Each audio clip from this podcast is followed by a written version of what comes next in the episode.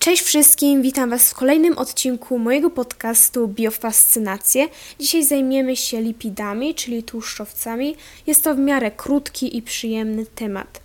Pierwszą rzeczą uwzględnioną w podstawie programowej, jeżeli chodzi o lipidy, jest ich budowa, więc od tego zaczniemy. Ale najpierw chciałabym powiedzieć, że lipidy to niejednorodna grupa związków organicznych o różnorodnym składzie chemicznym i budowie ale mają wspólną cechę i jest nią niepolarny charakter.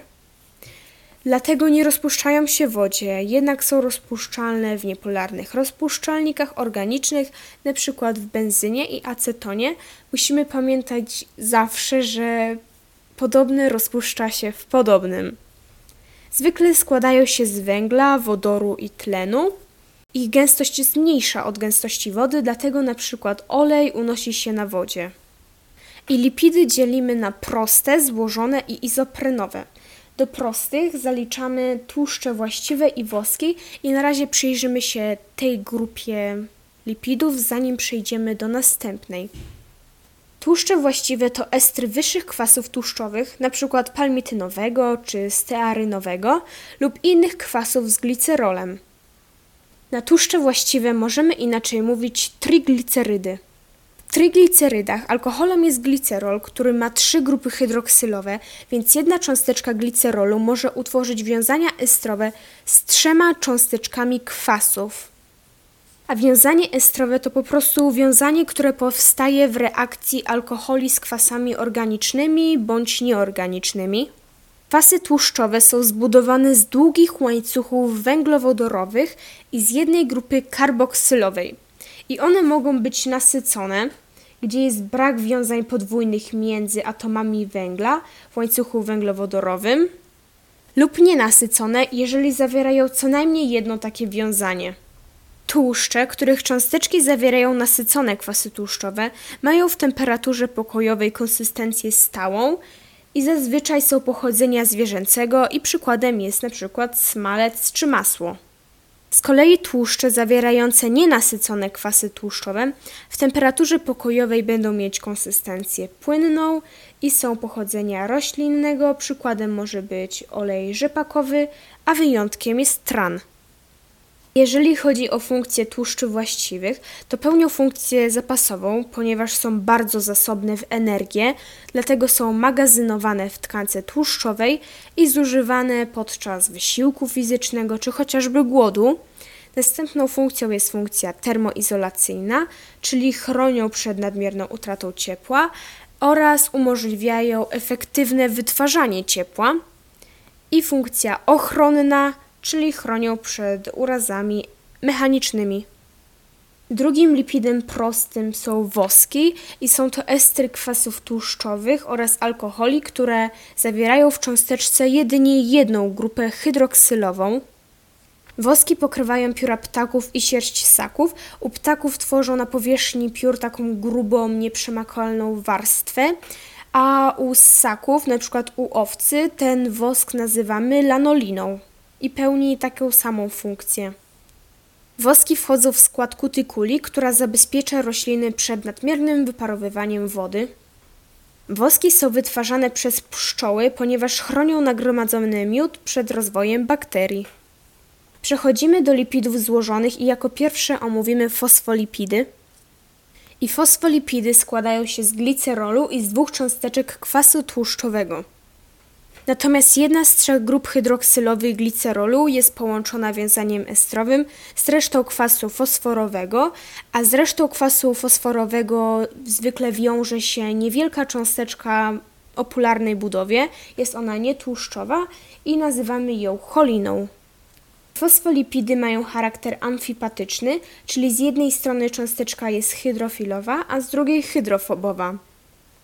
Hydrofilową głowę tworzy glicerol, reszta kwasu fosforanowego 5 i cholina, a kwasy tłuszczowe tworzą hydrofobowe ogony.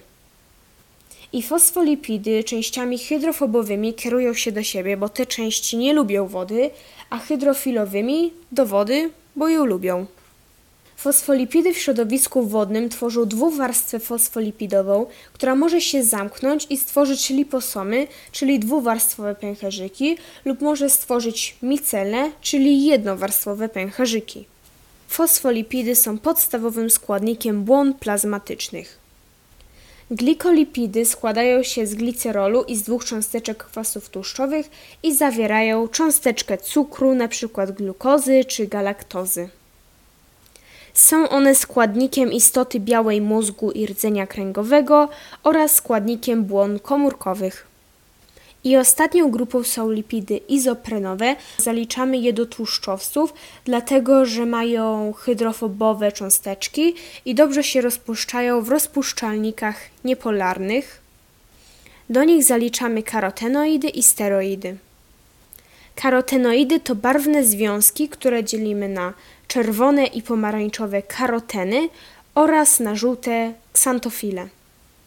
Dla nas są antyoksydantami, czyli przeciwutleniaczami, które neutralizują wolne rodniki. Wolne rodniki to cząsteczki, które naturalnie występują w organizmie człowieka i są niezbędne dla wielu procesów biologicznych zachodzących w naszym ciele. Jednocześnie mogą być niebezpieczne, ale ich nadmiar może przyspieszać starzenie się organizmu lub mogą być przyczyną wielu chorób. U roślin karotenoidy właśnie uczestniczą w fotosyntezie jako barwniki pomocnicze i nadają barwy kwiatom i owocom. Asteroidy to związki o złożonej czteropierścieniowej strukturze i płaskich cząsteczkach.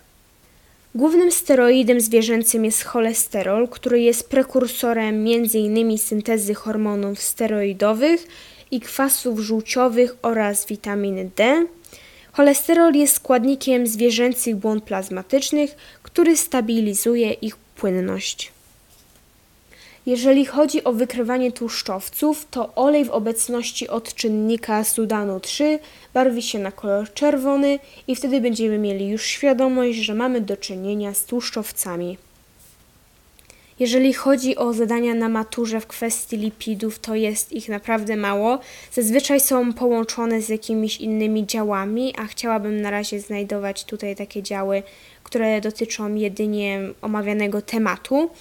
Jedynie znalazłam taki podpunkt, który pochodzi z matury z maja 2011 roku, czyli dość dawno, jest to jeszcze poziom podstawowy, Formuła 2007, zadanie pierwsze.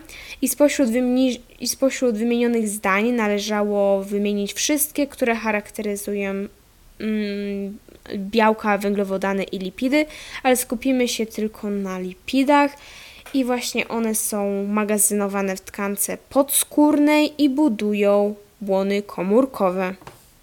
Próbowałam jeszcze coś znaleźć, ale nie udało mi się. Niektóre zadania zawierają rysunki, a ja nie mam jak ich pokazać, więc jest to wszystko już na dzisiaj w tym odcinku. Dziękuję za wysłuchanie i do zobaczenia wkrótce.